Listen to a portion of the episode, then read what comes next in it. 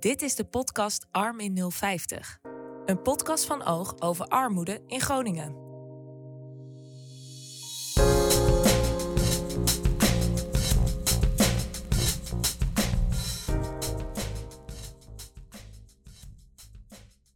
Welkom bij deze tweede aflevering van Arm in 050. Mijn naam is Chris Bakker, ik ben 30 jaar oud en ik ben onderzoeksjournalist bij Oog. Uh, bij mij aan tafel zitten Margriete Kalverboer, de Nationale Kinderombudsman. Annelies Kassenberg, lector bij de Hans Hogeschool. En Wenda Gal, berichtfunctionaris. Uh, zouden jullie alle drie even kort voor willen stellen? Ja, hallo. Ik ben Margriete Kalverboer en ik ben sinds 2016 uh, kinderombudsman. Maar ik ben ook Groninger en uh, daarom zit ik hier ook. Annelies, zou jij jezelf kort even voor willen stellen? Ja, ik ben Annelies Kassenberg. Uh, ik werk bij de Hans Hogeschool, ben lector jeugd- en leefomgeving. En dat houdt in de praktijk in dat ik uh, veel projecten doe en onderzoek naar het versterken van de omgeving van uh, met name kwetsbare kinderen. Bijvoorbeeld kinderen in armoede. Oké. Okay.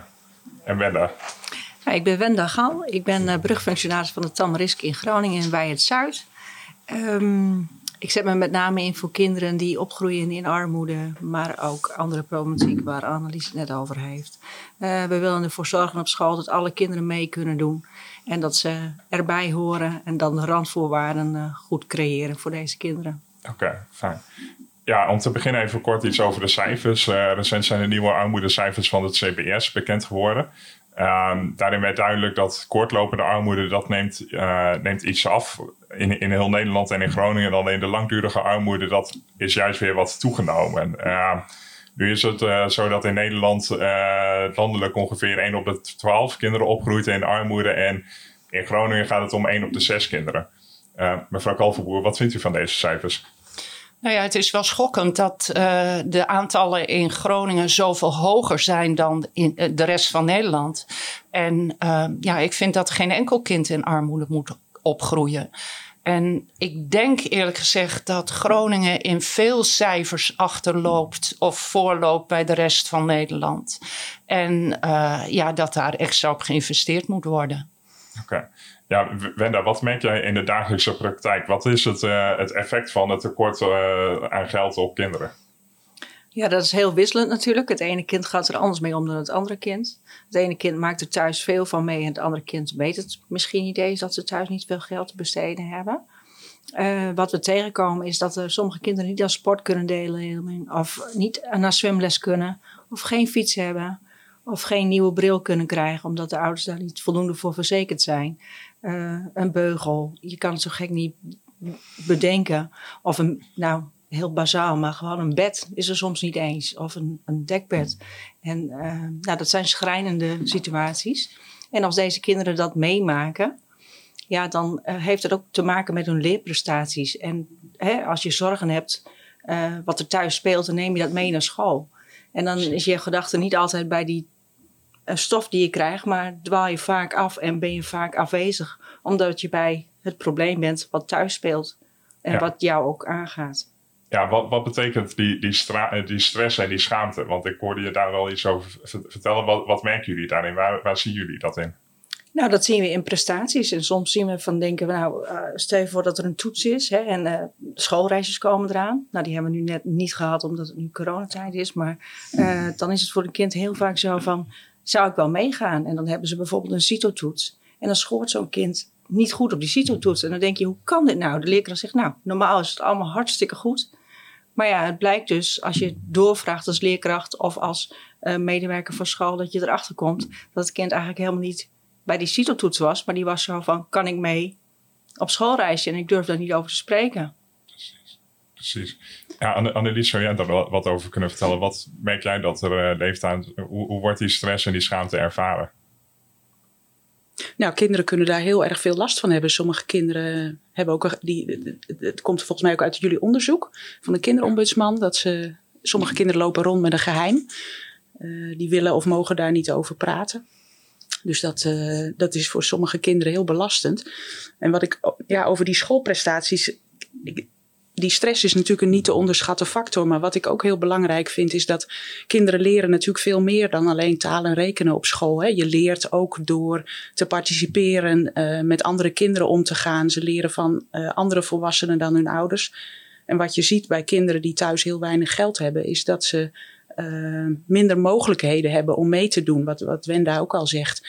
Dus kinderen die thuis al uh, van huis uit wel eens naar een museum gaan of met hun ouders leuke uitstapjes maken. Uh, dat er boeken in huis zijn.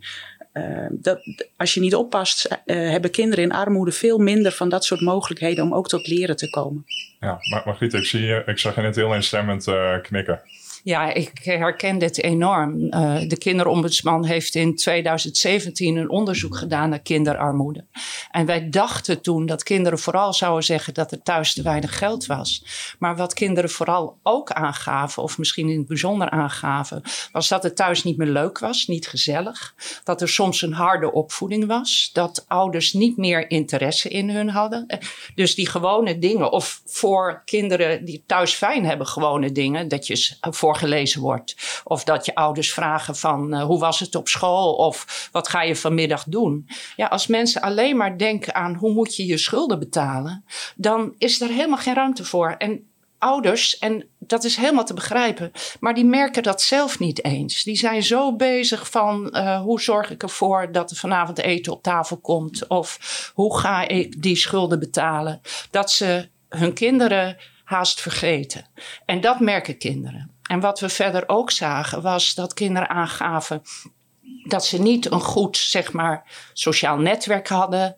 Dat ze moeilijk met vriendjes en vriend, vriendinnetjes om konden gaan. Ik heb heel veel kinderen gesproken die zeiden van, nou, als ik, uh, uh, ik zeg tegen mijn vrienden dat ik niet van de film hou. Of dat ik uh, niet van, van ergens iets drinken uh, hou. Maar ondertussen hadden ze geen geld. Dus, dus je voortdurend in bochten wringen om maar uh, gewoon te doen, erbij te horen en niet anders te zijn. En dat kost zoveel energie. En uh, wat Annelies zei over uh, school is meer dan leren. School is ook leren wie je bent, wat jij wil worden, hoe je met andere kinderen omgaat. ja, wat je interesses zijn. En daar komen kinderen ook niet aan toe. Nee. Wat, voor, wat voor invloed heeft het precies op de ontwikkeling van het kind? Nou, ik zou zeggen, wat ik, wat ik het meeste zie en wat ik ook echt het ergste vind van armoede, is dat kinderen denken dat ze minder zijn, dat ze minder waardig zijn. Kinderen denken ook vaak van, nou ja, die armoede, daar zal ik ook op een of andere manier wel schuld aan hebben. Dus schuld, schaamte, onzekerheid, uh, denken dat je niet kan bereiken of, of daar eigenlijk niet eens meer over dromen. Hè? En, wat je, en wat ik ook moeilijk vind, want dat zie je ook, juist met die generatie, hè, die langdurige armoede. Um, het is voor kinderen ook heel moeilijk om te ik zou eens zeggen, te ontsnappen aan waar ze uitkomen. Want wat voor jouw ouders goed genoeg was, goed genoeg is. Ja, waarom is dat niet zo voor jou? En als jij het anders en beter wil, dan is het ook haast alsof je ouders afvalt. Of je groep afvalt. En, en dat maakt dat, dat ambities van echt echt iets willen worden, dat is vaak zo ver weg. En dat is zonde. Ja, en volgens mij zei het er populair om, om iets te zeggen. Ja, excuses. Uh, die loyaliteit is gewoon echt ja, enorm. En uh, dat is logisch, want dat zijn jouw ouders. En dat zijn jouw voorbeelden. En die wil je niet afvallen, want daar hou je van. Zielsveel. Dus, en je ziet ook dat die ouders worstelen. Dus kinderen nemen ook meer en die accepteren ook meer. Gewoon omdat ze weten, ja, ze kunnen er niks aan doen. Weet je? Um, en wat jij zegt, die kansen die ze niet krijgen, ja, dat komt door het, ja, hè, de, de, tunnel waar ze in zit en de overlevingsstand eigenlijk waar het hele gezin eigenlijk zich in bevindt. En de prikkels van buitenaf, ja, daar is gewoon geen ruimte meer voor. Die kunnen ze niet meer verwerken.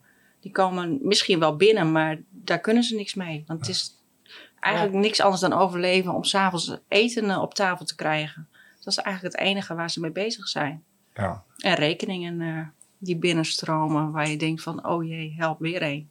En, wat is de invloed daarvan op ja, de verdere um, ja, verloop, verdere ontwikkeling van de kinderen? Nou ja, wat, wat net al genoemd werd hè, en door, door mijn beide medegasten, zeg maar, uh, is dat het zelfbeeld echt enorm daalt van kinderen. En um, dat nemen ze de rest van hun leven nemen ze dat mee. Ja, want van ervaringsdeskundigen hoor je dat dat ook tot in de volwassenheid een rol blijft spelen. Dat ze heel onzeker zijn, uh, weinig zelfvertrouwen hebben. Ja. Uh, dan is het natuurlijk ook moeilijker om uh, aan, een, aan een vervolgopleiding te beginnen, om een baan te vinden. Uh, bij solliciteren is dat natuurlijk heel lastig als je heel onzeker bent. Ja. Dus het... Iedereen moet een beetje kunnen pochen. Ja. Je moet het gevoel hebben van, uh, nou, ik doe er toe. Ik ja. doe er toe. En, en als je dat helemaal niet geleerd hebt, als je altijd maar denkt dat je kleiner bent dan de rest, dan heb je een achterstand in het, nou, of het nu vrienden, uh, vrienden krijgen, verkering krijgen, uh, relaties, werk. Um, wij zijn zo sociaal ingesteld. En, en ik heb mensen gesproken die uiteindelijk heel succesvol zijn geworden. Ik zat op een gegeven moment zat ik aan een diner bij uh, Missing Chapter hè, van prinses Laurentien. En ik zat naast iemand die was ontzettend succesvol. En we hadden, en we hadden het over kinderarmoede. En hij had daar eigenlijk zijn coming out. Ik sprak met hem en hij, ik zei tegen hem van, waarom deel je dit niet? Hè? Waarom? Hij bleek in armoede te zijn opgegroeid en, en, en niemand wist het. En dan ben je ergens in de veertig en je gaat uh, met, met zeg maar de hoogst geplaatste mensen in de samenleving om en nog schaam je je voor wie je bent. En dus dat zit zo diep. Hè? En dan is het iemand die echt zeg maar alles bereikt heeft wat iedereen zou willen bereiken. En dan heb je dat nog. Nou ja, dat, dat geldt uh, in meer of mindere mate voor alle kinderen uh, die in armoede opgroeien. En wat ik wel bijzonder vind aan zulke verhalen is vaak dat zulke mensen vaak zeggen: wat, wat heeft nou gemaakt dat ik wel iets bereikt heb? Dat kan soms één iemand zijn die in hun leven het verschil heeft gemaakt. Ja, klopt. En dat en, was in dit geval ook ja. zo. Deze, deze, als jongen op de middelbare school had hij een bijbaantje. Want hij moest eigenlijk zorgen voor het inkomen in het gezin. Hij werkte bij de Chinees. En die die eigenaar die heeft zijn studie betaald. En heeft uiteindelijk ja, tot geweldig. op de laatste cent heeft hij het afbetaald. Dat was weer zijn eer. Maar dus iemand, jij noemde net al dat sociale netwerk wat zo belangrijk is. Iemand die het gezien heeft en iemand die gedacht heeft, nou dit kind, daar, daar ga ik voor. En dat zou je als samenleving veel meer moeten doen. Want ja, er zijn veel van dit soort uh, kinderen. Ja, want, want wat, doet het um, ja, opgroeien in armoede met het sociale netwerk van, van kinderen? Nou, dat wordt heel klein. En vaak, eh, als je het hebt over langdurig armoede, ja, dan is het ook maar de vraag of je echte sociale netwerk, wat het meest dichtbij is, of die jou goed kunnen helpen. Want de kans is groot dat die ook in zo'nzelfde situatie zitten. Dus je moet juist die uh, ja, verbinding hebben met mensen die, ja, die, die, die iets kansrijker zijn en jou daarin willen, ja, willen en kunnen steunen. En ik vind het vooral voor kinderen heel belangrijk, want die moeten zich nog ontwikkelen. Hè? Die moeten nog gaan leren. Dus die moeten in contact komen met veel andere mensen waar ze zich aan kunnen optrekken. Uh, en waarmee ze verder komen. Ja. ja. Het gaat er eigenlijk niet meer om om gezien, gehoord en te begrepen worden. Wat eigenlijk elk mens nodig heeft. En meedoen. En, de, en meedoen. En deze kinderen in het bijzonder. Ja. Hè? En, en, en, wat jij ook zo mooi aangaf, dat je mensen nodig hebt die kansen, hè, kansrijk zijn. Maar wij hebben hun ook nodig. En ja, dat zeker. vergeten wij ook wel eens te benoemen. Want we zijn wel samen en, en het maakt niet uit waar je wegkomt, want we zijn allemaal evenveel waard. Ja. Uh, en, en als we nou, dat een beetje door konden schuiven in onze samenleving, dat ja. we daar een soort pijlen van zouden kunnen maken, dat we allemaal evenveel waard zijn. Uh, nou, dat zou mijn wens zijn in ieder geval. Ja, en we moeten van het beeld af dat het je eigen schuld ja, is. Absoluut. Want dat zit bij mensen zo diep. Hè? Mensen in armoede die denken dat het hun eigen schuld is. Maar de samenleving denkt soms ook te snel van ja, als jij in armoede, dan zal je dit wel niet goed gedaan hebben. Of dan kan je misschien niet met geld omgaan of wat dan ook. Terwijl als je kijkt naar de persoonlijke geschiedenissen van mensen, ja, dan zijn ze vaak ook, nou ja, hebben ze extra uh, nare dingen meegemaakt. Of ze, ze hebben het al van generatie op generatie. Maar er is geen sprake van schuld. En zolang je daarin blijft denken, ja, komen mensen er ook niet uit. Waar, komt dat vandaan dat mensen het heel erg op zichzelf be betrekken? Ik zie het eigenlijk wel met alles hoor. Ik zie het ook als uh, bij uh, echtscheidingen. Dan denken kinderen in een bepaalde leeftijd ook dat zij misschien gewoon een vervelend kind waren en dat hun ouders het daarom zo moeilijk hadden.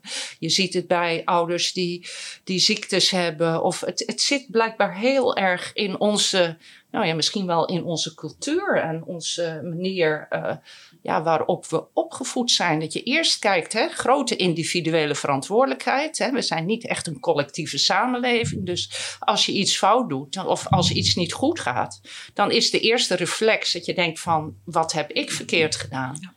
Dus, maar ik, misschien heb je een andere verklaring, of jullie? Nee, ik, ik, ik, zoiets zal het moeten zijn. Ja. En ik, wat ik heel interessant vind is, wat, wat kunnen we nou doen hè, om die kinderen uh, te, te, helpen? Uh, want we hadden het net al over dat, dat mensen die eruit gekomen zijn vaak zeggen... er is iemand in mijn leven geweest die mij geholpen heeft. En... Uh, ik denk dat daar nog wel werk te doen is voor de komende jaren. Dat we uh, professionals ook veel beter nog kunnen voorbereiden op het, uh, op het omgaan met armoede. En ik, ik werk zelf natuurlijk op een hogeschool, dus wij uh, leiden aankomende professionals op. En ik, ja. ik, ben ook blij dat er steeds meer aandacht voor komt in het curriculum. maar ik vind ook voor, voor de huidige professionals dat, nou, dat komt ook uit jullie onderzoek. kinderen willen graag eigenlijk wel met iemand daarover praten. Uh, die willen wel graag gehoord worden, wat Wenda ook zegt. Maar dat gaat natuurlijk niet zomaar. Daar moet je wel een vertrouwensband uh, voor hebben. Precies. En de, de, de, de, leerkracht bijvoorbeeld op school, die moet er ook voor openstaan. Uh, dat er misschien wel kinderen op school zitten die thuis heel weinig geld hebben. Precies. Ja, we, we spreken nu vaak van, van generatiearmoede. En dat, merken dat veel beleid van de overheid daarop gericht is. Maar hoe, hoe groot is dat probleem generatiearmoede eigenlijk? Echt. Ja, er zijn zoveel verschillende vormen van armoede. Ja. Hè? Ik kan me wel voorstellen dat wij hier in Groningen relatief vaker met generatiearmoede te maken hebben. Zeker ook wel uh, in de provincie. Dat het echt van, ja, uh, maar als je het hebt bijvoorbeeld over vluchtelingen of mensen die hier een status hebben gekregen, die kunnen het heel goed gehad hebben in dat land van herkomst. Ik heb veel met gevluchte kinderen en ouders gewerkt. En dan kon het maar zo zijn dat ze daar arts waren of een hoge functie hadden en dan komen ze hier in de situatie terecht waar, waar het begint als armoede. Maar uh, ja, daar zijn kans, kansrijke mensen bij die ooit goed opgeleid zijn en hier dan toch de draad weer oppakken. En mensen die vanuit een kansarme positie gekomen zijn. En eh, ik vermoed, maar we weten het op dit moment niet nog, dat mogelijk corona ook leidt tot uh, nieuwe uh, groepen armen. En dat zal niet over de. Hè, want we gaan die hele economische crisis, die gaan we alweer uit. Maar ik denk wel dat bepaalde groepen meer getroffen zijn. Ja, ik denk ook zeker dat wat jij benoemt, dat het heel belangrijk is om voor professionals om dat te onderscheiden. Hè, van hoe beleef je armoede? En, ja toevallig ook trainer, coach uh, van uh, armoede dichtbij. Hè. Dat is dan hier in de stad Groningen wat gegeven, maar ook landelijk. En dan ga je op de beleving van armoede. Ja. Want iemand die zich eh, generatiearmoede waar we het over hebben, hè, die is arm uh, gebleven. Hè, ja. Zo je het, dan niet, het is niet om in hokjes te stoppen, want daar ben ik absoluut niet van. Maar het geeft wel een leidraad voor professionals om daarmee om te gaan. Die hebben een andere hulpvraag. Die hebben een andere benadering nodig dan iemand die zich arm gemaakt voelt. Ja. Hè? Uh, want dat is hen aangedaan. En is een stuk boosheid waar je eerst doorheen moet met die persoon. Niet dat jij er doorheen moet, maar samen er doorheen. En je hebt ook dat je arm uh, geworden bent. Dan is het je overkomen. Dan kan je er eigenlijk heel weinig aan doen.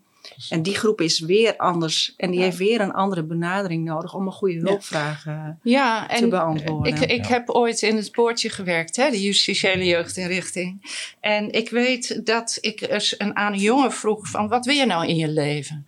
En toen zei hij, wat vind je nou het allerbelangrijkste? En toen zei hij, een grote auto, een mooi huis en een mooie vrouw.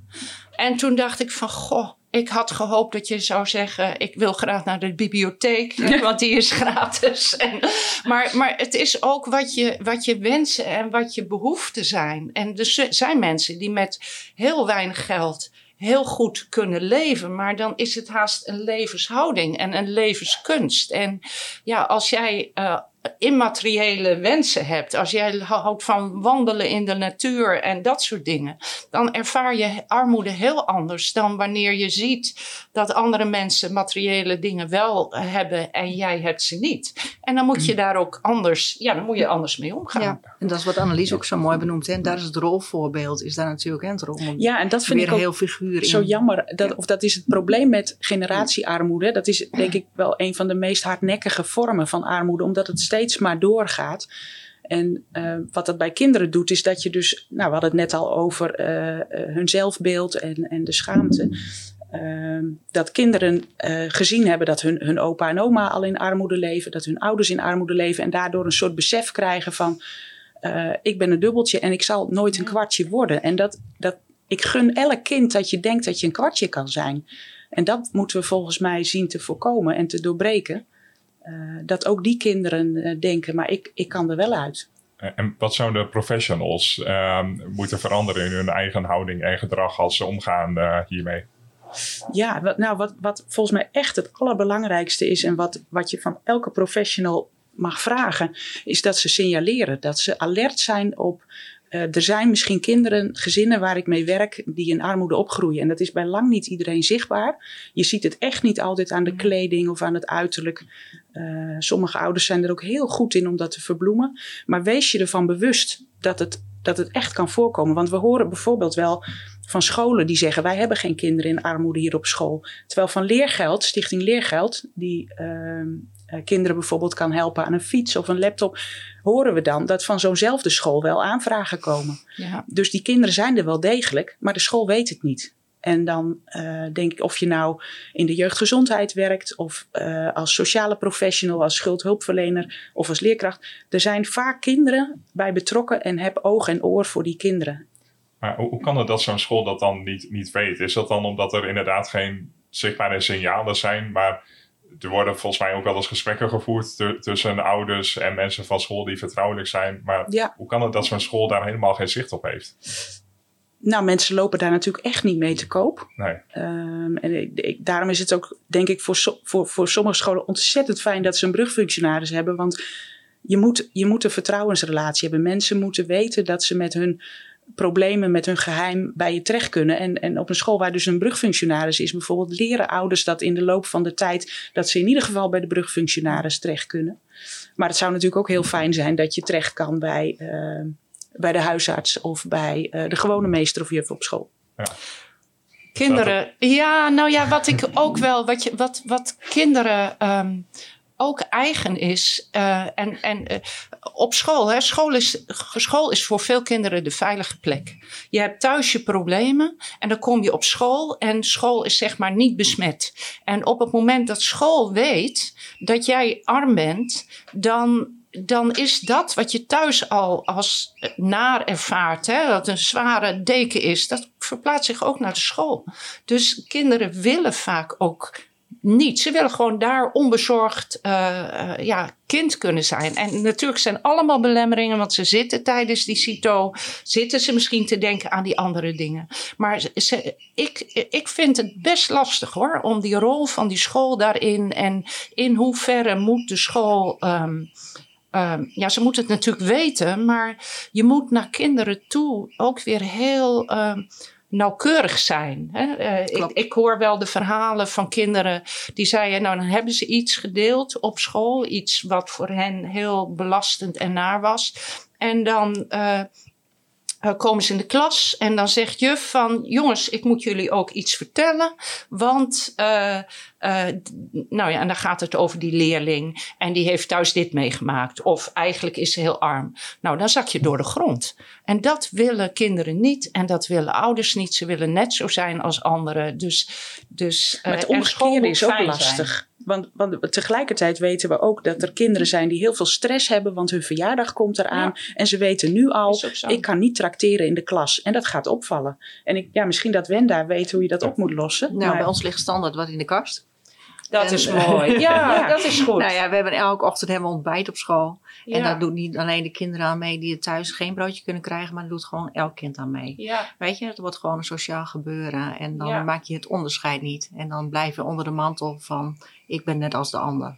Weet Maar- je, en, en eh, maar dat vind ik prachtig. Doen andere scholen dat ook? Dat er altijd iets in de kast ligt? Want dat vind ik... in ieder Dat, geval eh, de scholen waar de brugfunctionaris eh, actief ja, is. maar dat, dat is zo'n belangrijke tip. Hè?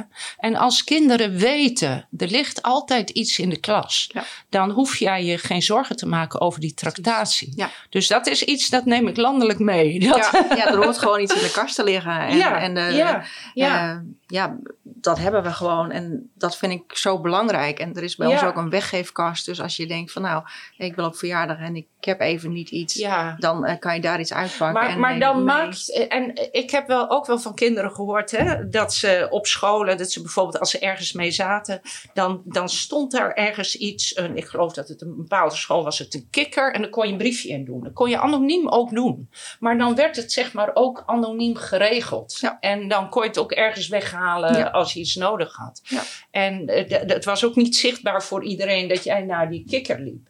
En natuurlijk, het, het helpt misschien niet in, in de schaamte, maar als je, zolang die schaamte er is, moeten kinderen ook een uitweg hebben om daar iets mee te kunnen doen. En ja, als je op een gegeven moment, als iedereen naar die kikker loopt, ja, dan heb je de kikker op. Ik ben niet meer nodig. Nee, nee nou, er dat zijn- is. Er zijn, er zijn soms ook wel meer mogelijkheden dan professionals denken om gezinnen te helpen. Hè. Dat, dan, dat hoeft dan niet in, in de openbaarheid. Maar ehm, dat er bijvoorbeeld heel veel fondsen zijn. Ook om jarige kinderen eh, een cadeautje en een taart en slingers te geven. Of eh, fondsen om sportkleding. Dat, dat kan je als, als professional ook aanvragen voor ouders of hen helpen om dat aan te vragen. Ehm, maar mensen Maar weten het hè, vaak niet. Ja, en ik, ik ben, het is, je hebt helemaal gelijk, maar ik word eerlijk gezegd, als ik hoor over fondsen, ik vind het in zekere zin zo erg. We hadden, vroeger hadden we de Caritas, hè, arme mensen die ja, geholpen werden en, en, en die eh, eh, hè, rijke mensen die, die aan liefdadigheid deden. Kinderen moeten niet afhankelijk zijn van fondsen. En daarom vind ik dat wat jij zegt, li- we hebben een weggeefkast. Ik hoop dat als alle scholen een weggeefkast Is hebben, dan is het normaal. Ja. Als alle scholen, als, als we afstappen van tractaties, daar zorgen ouders voor. Dat doen we gewoon eh, hè, collectief en, en dat doen we vanuit de school. Dan wordt het normaal. Het, het- armoede moet niet betekenen dat je afhankelijk bent van, van de laptop van de een en de boeken van de andere en het verjaardagsfeestje. En want wat, wat, wat, je, ehm, wat je ziet, wat ik zie bij mensen in armoede, is dat ze het vreselijk vinden om te krijgen. Ze willen het zelf kunnen, kunnen doen. En, en, en het blijft liefdadigheid. Het blijft krijgen. Het blijft, ik moet dankbaar zijn. Maar je hoeft niet dankbaar te zijn. Want je bent, wat, wat jij al zei, je bent evenveel waard. Dus je hebt er gewoon eh, ja, recht op. Ja, ik, ik vind. eh, ik, ik heb er heel lang over nagedacht waarom als wij doen wat we doen. Ja. En ik ben geen wetenschapper, dus ik kan niet onderbouwen. Maar wij hebben als kind geleerd, als je, hè, je bent klein en je moet leren lopen. En oh, de eerste stapjes, iedereen is blij. En oh, kijk eens, ze kan lopen. En als je dan valt, word je opgepakt. Dan word je even geknuffeld, dan word je getroost. Maar als je drie bent geweest en je valt, kop joh, gestaan. Ja. Weet je? En dat is onze mentaliteit. Ja. We moeten het zelf kunnen, we moeten zelf weer op kunnen staan. Als we dat niet kunnen, hebben we gefaald in de ogen van onze eigen ouders. Want we moeten leren lopen. Ja. En als we even niet zelf kunnen lopen en we vallen, ja, sorry dan. Dan moeten we weer worden gestaan. Ja. En als je dat even niet kan, Ja. dan voelt dat heel ongemakkelijk en Ja. heel indringend, zeg maar. Zo, Ja, zo ik, ja, ik kan hem niet onderbouwen, maar dat is het gevoel, denk ik, wat wij eh, heel veel bij mensen zien die afhankelijk zijn geworden van anderen. En waar het, ja, het systeem dan ook nog stroperig is op sommige plekken, waar het ook niet altijd even gemakkelijk van wordt. Ehm, zelfs niet voor de hulpverlener. Dus ehm, ja, ik denk dat het daarmee te maken heeft. En dat het ook is wat we allemaal met ons meedragen. Ja. En als dan iets overkomt in ons leven waar we geen grip op hebben, dan is er denk ik iets in ons brein waar dat op terugvalt. Dat, dat denk ik. Waar, waar zien jullie dat de, de aanpak van de overheid uh, misgaat? Ik zie jullie allemaal even nadenken. Vertel maar, Gieter. Um, nou, ik, ik, ik zit hier natuurlijk als kinderombudsman. Dus Precies. ik kijk naar wat hebben kinderen nodig om een goed leven te hebben, zich goed te ontwikkelen. En um, armoede los je alleen maar op als je als je ook de problemen van de ouders oplost. Als je uh, niet als ouders niet met al die verschillende loketten te maken hebben. Uh, uh, als je ook kijkt naar wat armoede betekent voor thuis, voor de opvoeding, voor school. als je mensen niet met allemaal mensen, verschillende medewerkers.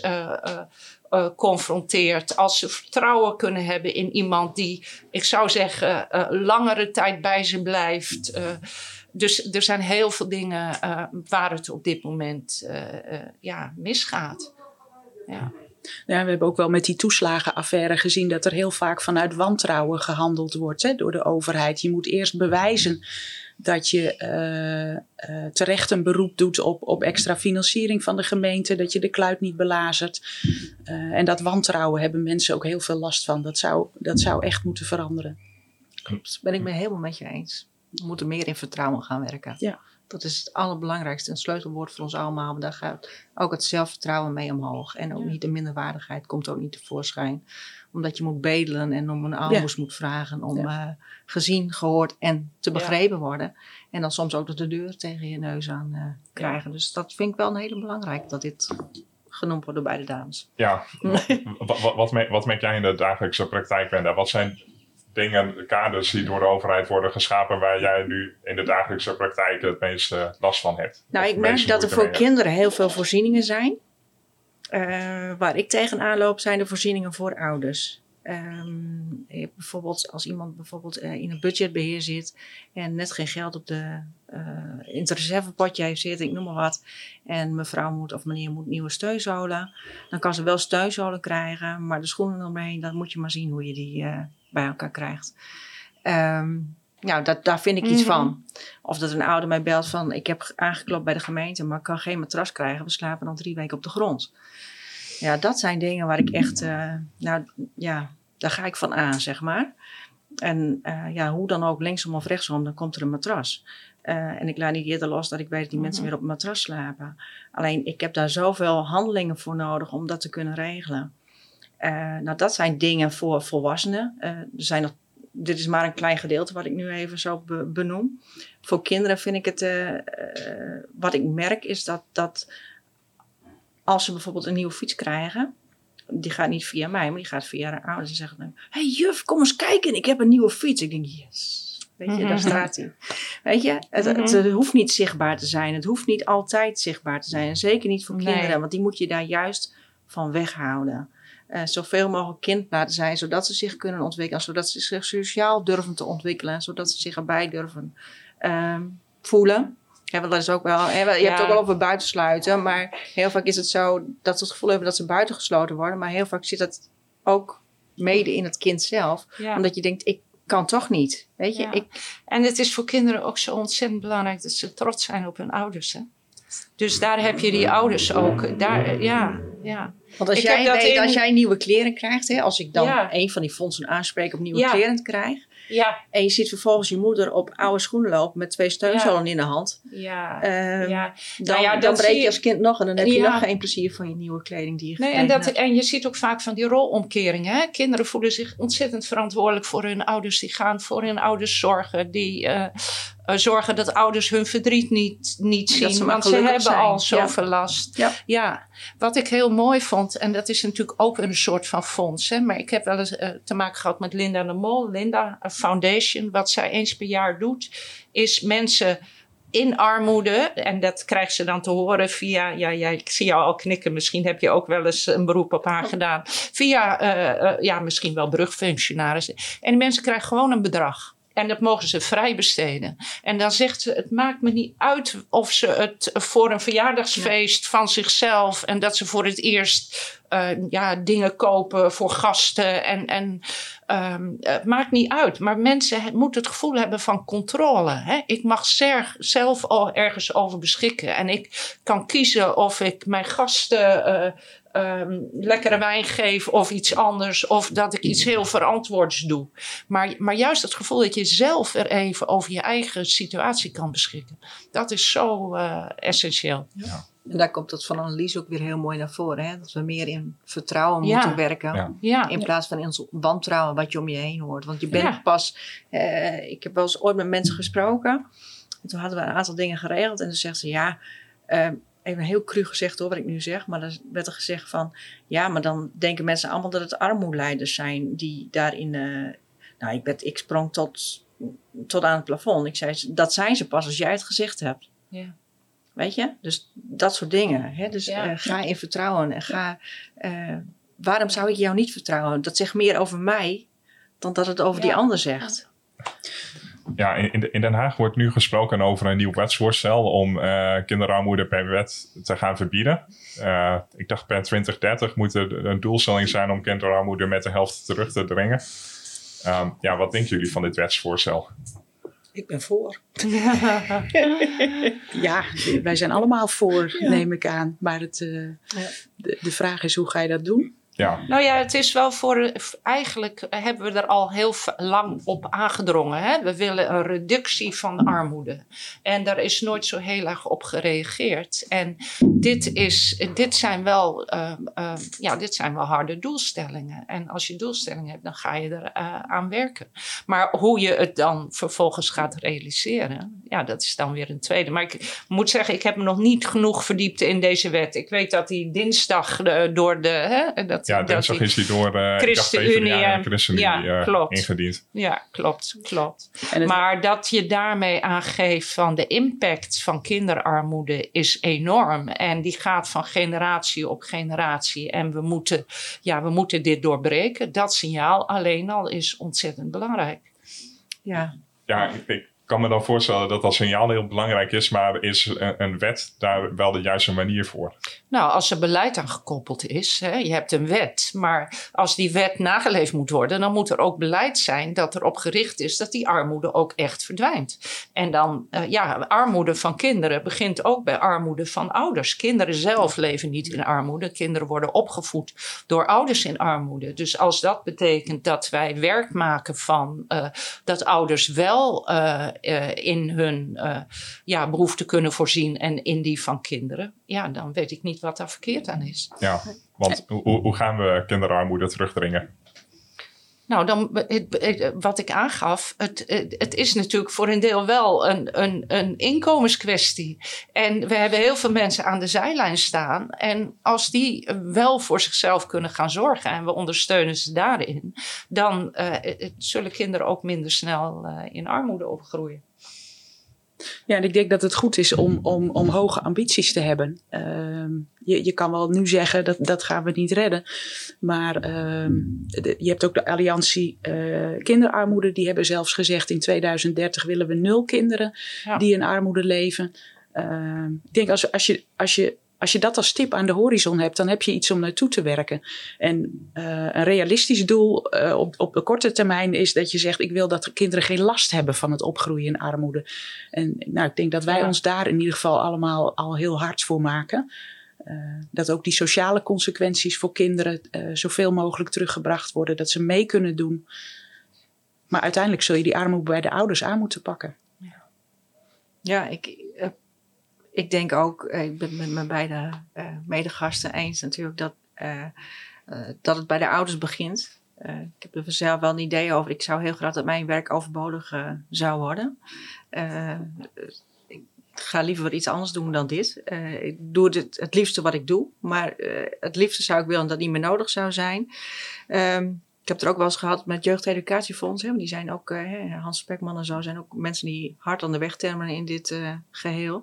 En ik heb wel eens gezegd, ik zei, waarom geven we kinderen niet gewoon een startpotje? Hè? Als we weten mm -hmm. dat het gezin in, ja. in armoede leeft, waarom moeten ze steeds opnieuw zich verantwoorden? Waarom gewoon niet een meegroeipakket? Ik noem maar iets, hè. Dat je als je zes bent, dat je automatisch aangemeld wordt voor zwemles. Of dat je, dat je ja. daar niet om hoeft te vragen. Hè? Niet dat, dat steeds dat hoeven bedelen van uh, mensen. En dat er gewoon standaard dingen geregeld zijn. Net als een kinderbijslag is dat dat ook ja. gewoon uh, in het leven geroepen. Dat zou mijn wens zijn voor uh, deze kinderen.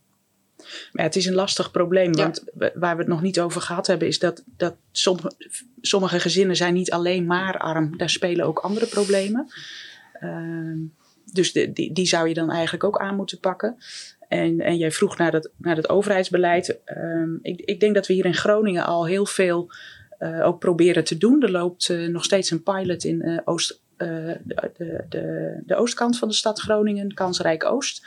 Waarbij ook heel erg op maat wordt gekeken per gezin. Wat heeft dit gezin nu nodig om uit die armoede te komen? En, wordt heel, heel erg maatwerk gericht. Ja, ja. ja want ja. wat voor het ene gezin werkt, hoeft niet mm. voor het andere gezin te werken. Dus het, het is niet heel makkelijk op te lossen.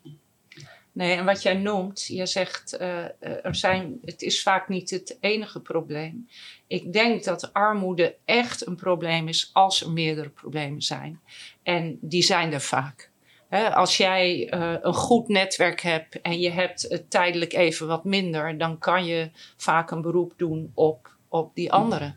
Maar het is vaak zo, uh, ja, zo complex. Het is vaak ook huisvesting. En er kan ook ziekte zijn. En er kunnen relatieproblemen zijn. En je ziet dat het vaak een stapeling aan problemen is. En wat wij bijvoorbeeld weer in eigen onderzoek zien, dat uh, juist als er sprake is van zo'n stapeling van problemen, dat kinderen heel erg veel last hebben van hoe het thuis gaat. En dan zeggen ze zelfs van, uh, nou, je hoeft al die problemen sect, die hoef je niet eens aan te pakken, maar zorg dat mijn ouders weer leuke ouders zijn. Dus het is een kluwe en die ja. moet je ja, ontrafelen. ontrafelen en daar moet je, uh, ja, nou, moet je, maatwerk dat, leveren. Je hebt dat net al genoemd, dat... Uh, dat je, dat je daar ook in moet samenwerken. Dat het, ja. als je niet oppast, heel erg versnipperd is. En volgens mij is daar ook echt een wereld te winnen. Er zijn rond dat soort gezinnen vaak heel veel professionals betrokken. Ja. En die komen daar in het ergste geval allemaal om hun eigen dingetje te doen en gaan dan weer weg. En wat, ja, wat zo mooi ik, zou zijn, is dat zij met elkaar ja. in gesprek gaan. Hoe kunnen wij samen dit gezin weer op de rails helpen? Ja, ik moest even lachen, want wij, wij zijn inderdaad ook al een paar maanden, uh, sinds maart ben, ben, ik bezig met het project. En wat opvalt inderdaad is hoe verschrikkelijk veel overheden en maatschappelijke organisaties hiermee bezig zijn. En, Weet je ja. wat ik hoorde van kinderen tijdens corona? Vertel. Zij, uh, uh, er waren kinderen uit hele complexe situaties die zeiden: Ik heb het nog nooit zo fijn gehad. Ik zie al die hulpverleners niet meer. We hebben echt zoveel eromheen georganiseerd. Dat, dat al die aparte personen een last zijn voor de mensen. En dat het stress geeft. En nu, tijdens corona, waren ze wat meer op afstand. En wat je ook hoorde, ook weer van, van ja, eigenlijk haast verbaasde hulpverleners. Van, uh, goh, die moeder die, die, die kan veel meer zelf dan wij ooit gedacht hadden. Want je wordt gewoon in een afhankelijke ja, positie haast gemanoeuvreerd. En je komt de bank niet af. Niet omdat je het niet wil, maar omdat je overstelpt wordt door al die mensen die zich met jou bemoeien. Waardoor je eigenlijk zelf helemaal geen initiatief meer kan uh, uh, ontplooien. Ik, ik, zie je nog heel erg knikken. Aan de... Nou, ik, ik, dat, dat, dat, horen wij ook van, van uh, gezinnen in armoede. Dat, wat ze heel fijn vinden, en, en soms is dat dus de brugfunctionaris, dat er één iemand ja. is die voor hun het aanspreekpunt is en, uh, en, en wat dingen voor ze kan regelen. En die ook die afstemming doet.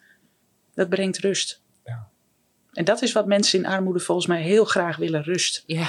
Ja, je zou het zelf ook niet prettig vinden als er dan die weer nee. op de stoep dan, Ach, dan die nee, het is inbreuk. Ja, maar ook het is inbreuk op je privacy. Hè? Ja. En je krijgt ook direct het gevoel, ik kan het dus niet. Nee. Ja. Weet je? Ja, en dan word je steeds onzeker. En dan word je steeds onzeker en bevestigd ja. in jouw eigen ja. Uh, ja. Ja, ja. gedachten. Dat, ja. dat je het ook echt niet kan. Terwijl je het misschien heel goed zelf kan. Ja. Weet je, alleen als degene, en ik, ik begrijp de hulpverleners ook, want die willen helpen, daar zijn ze voor, want daar worden ze immers voor betaald. Dus dat is hun, is hun beroep. Alleen, ja, je kan op zoveel verschillende manieren kan je de hulpvragen ja. uitvragen. En op zoveel manieren kan je naast de mensen lopen. Eh, en ik loop er ook wel eens per ongeluk voor op. Ja, dat, Ja. dat- ik, ik zal er ook niet ontkennen dat ik dat ook niet eens doe. Eh, omdat ik denk, nou, verdorie nog zo toe, dat gaan we eens even regelen, weet je? Ja. Maar ja, is dat eigenlijk wel wat mijn eh, medemens nodig heeft? Of is dat wat ik denk wat ze nodig hebben? Dus daar zit een heel groot Ja. verschil in. Nou ja, dat is iets heel essentieels. Hè? Mensen gaan zich vaak beter voelen van iets doen voor iemand anders. En dat hebben professionals ook. Ja. Ja. Maar dat is bij elk mens zo. Zeker. Hè, want we geven ook liever dan dat we iets Ja, krijgen. ja. Want geven is leuker, maar wat Ja. is het geven waard als we niet kunnen ontvangen? Is ook zo. Eh, en dat Ja. zijn dingen die we ons niet altijd beseffen. Precies. Ja. Ja, vol- volgens mij hebben we, hebben het meeste wel behandeld zo. Of zijn er nog dingen waarvan jullie zeggen van die moeten we het ook nog even over gaan hebben?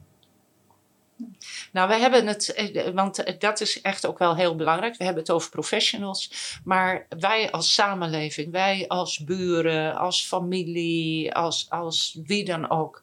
Dat, het, het, het, het signaleren, het ligt ook bij ons.